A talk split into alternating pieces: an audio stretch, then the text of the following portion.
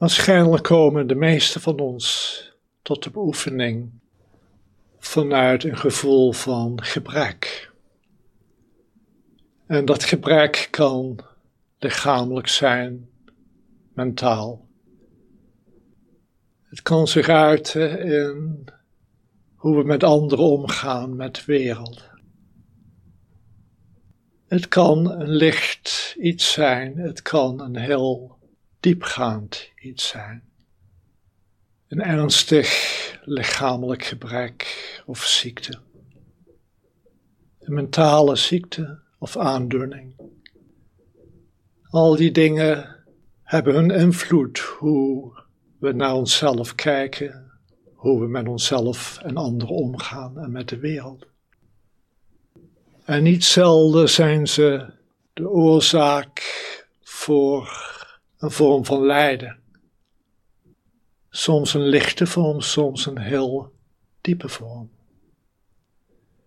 En omdat het boeddhisme een pad is naar het einde van lijden, wordt er natuurlijk verwacht dat de beoefening op een of andere manier dit gebrek zal doen oplossen. In ieder geval tot zekere mate, waardoor het lijden tot zekere mate gaat oplossen. En verlichting wordt dan ook vaak gezien als de staat waarin elk gebrek totaal is opgelost. De staat van een supermens zijn, zo niet lichamelijk dan zeker mentaal. Geen problemen meer te hebben met onszelf, met een ander perfect te kunnen functioneren. En hoe goed we ook oefenen, dit punt lijkt nooit werkelijk te komen. Het gebrek wordt misschien draagbaarder, maar lost zelden helemaal op. We blijven er last van hebben en het blijft zijn invloed uitoefenen in ons dagelijks leven. Dus we zien dat het lijden niet verdwijnt. Dus misschien moeten we naar de oefening op een andere manier gaan kijken. En zeker dit beeld van verlichting, wat we met ons meedragen, loslaten. Want voor de Boeddha was het einde van lijden niet het invullen van een gebrek, maar een diepe acceptatie van het gebrek. Een diepe acceptatie van de moeilijkheden die we ervaren in onszelf, met onszelf, met de ander. Een acceptatie die zo diep gaat dat zelfs het accepteren losgelaten wordt. En elk idee van gebrek en moeilijkheid. De beoefening brengt ons tot het inzicht dat de essentie van elk gebrek dezelfde essentie is als die van onze ware natuur. Het is dezelfde essentie die in het hart van de werkelijkheid ligt, van alles wat is. Perfect en wat wij noemen minder of niet perfect. Wanneer we dat soort termen als perfect en niet perfect, gebrek en volledig, volledig loslaten, dan is er alleen maar wat is. En beginnen we de vrijheid te proeven die daarin verscholen ligt.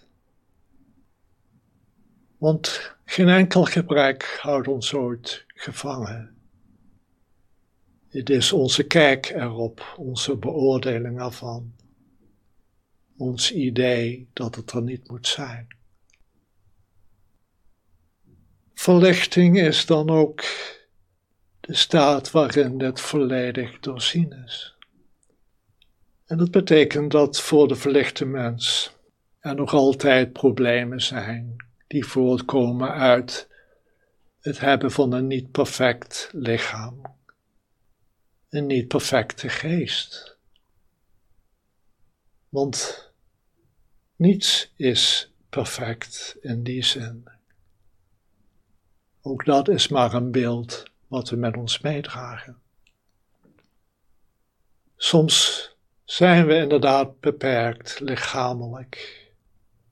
Dit lichaam heeft zo zijn beperking. En sommige lichamen kunnen het ene wat beter dan het andere. En zo geldt het ook voor de geest.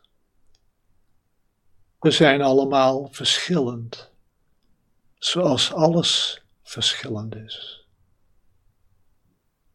En toch is alles één, in de essentie die geen perfectie of imperfectie kent, geen overdaad of tekort.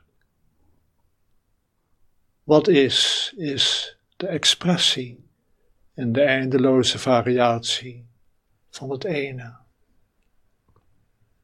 Kunnen we in hoe we nu zijn volledig verzachten en ontspannen? Kunnen we er een lichte glimlach naar maken? Het is goed, nu zoals het is. Er ligt niets anders op ons te wachten dan die volledige ontspanning in wat is. En wanneer je werkelijk ontspant in wat is, zal wat is je verwelkomen en als het ware zeggen: Welkom thuis.